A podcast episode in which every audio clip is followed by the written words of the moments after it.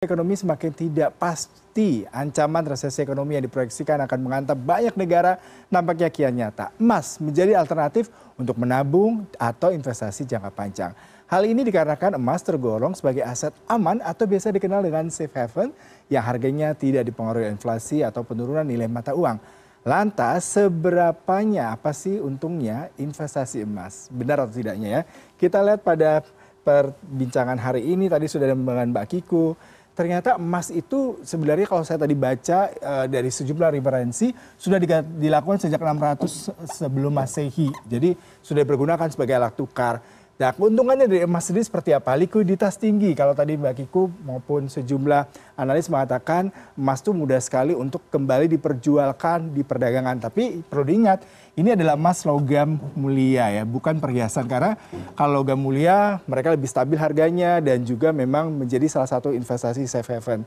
Kemudian kualitasnya juga tetap karena memang emas sendiri terutama dalam bentuk sertifikat ataupun emas batangan mereka memiliki kualitas yang cukup baik. Nah kalau bicara mengenai harga harga dari antam sendiri hari ini sekitar 940 ribu sekian untuk satu gramnya dan ini merupakan harga yang cukup baik setelah sebelumnya mengalami peningkatan dalam satu minggu ini dari 930 ribu sehingga 943 ribu per ini ya kalau kita bicara mengenai gramnya. Kemudian bisa juga investasi dana kecil. Nah tadi investasi dana kecil untuk 0,5 gram saja kita cuma membutuhkan uang 500 ribu rupiah untuk bisa mendapatkan emas. Jadi tidak harus berinvestasi cukup besar. Kemudian harganya juga cenderung meningkat karena memang tadi sebagai safe haven dan pilihan untuk membuat kestabilan harga dunia kemudian juga bebas pajak. Tapi bebas pajak ini hanya untuk emas emas logam mulia. Kalau perhiasan pasti ada perubahannya. Tergantung tadi ya dari bagaimana tempat penghasil emas perhiasan. Kemudian mereka juga akan menambahkan nilai pajak pertambahan sendiri. Kemudian kita melihat lainnya yang menarik adalah terkait dengan penyebab harga emas naik turun. Jadi emas bisa naik turun. Tergantung dari bagaimana kondisi global. Kondisi global ini terpengaruh tadi salah satunya kebijakan the fed amerika serikat yang tahun ini saja sudah lima kali menaikkan suku bunga dan rabu besok mereka akan kembali meeting untuk menentukan kebijakan menahan laju inflasi di amerika serikat yang sudah mencapai sepuluh persen sendiri sudah besar sekali di amerika serikat.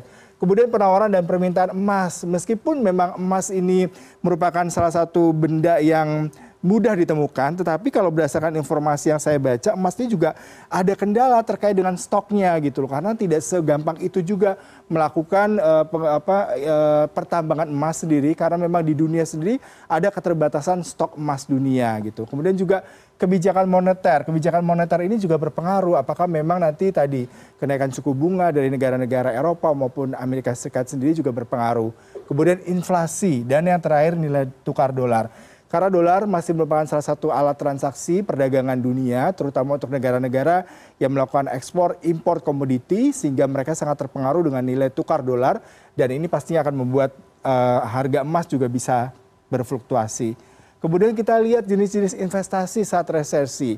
Salah satu yang selalu direkomendasikan adalah emas karena tadi likuiditasnya cepat untuk dilakukan jual beli kemudian juga harganya yang stabil sehingga bisa menjadi salah satu pilihan tetapi yang lain juga harus dilihat adalah mengenai reksadana kemudian investasi properti. Tapi investasi properti di saat suku bunga cukup tinggi para pelaku pasar maupun investor juga harus berhati hati mengingat ini sangat tergantung dari suku bunga terutama untuk cicilan bagi anda yang ingin membeli properti.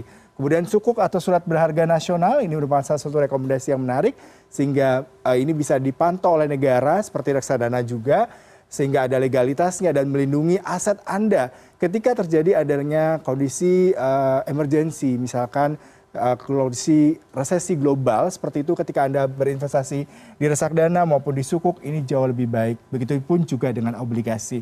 Jadi ini merupakan pilihan bagi anda untuk menentukan sikap apakah sekarang anda siap untuk berinvestasi emas dengan tadi beberapa argumen dan beberapa pemaparan saya ataupun anda juga masih ragu ragu untuk menentukan kira kira akan berinvestasi apa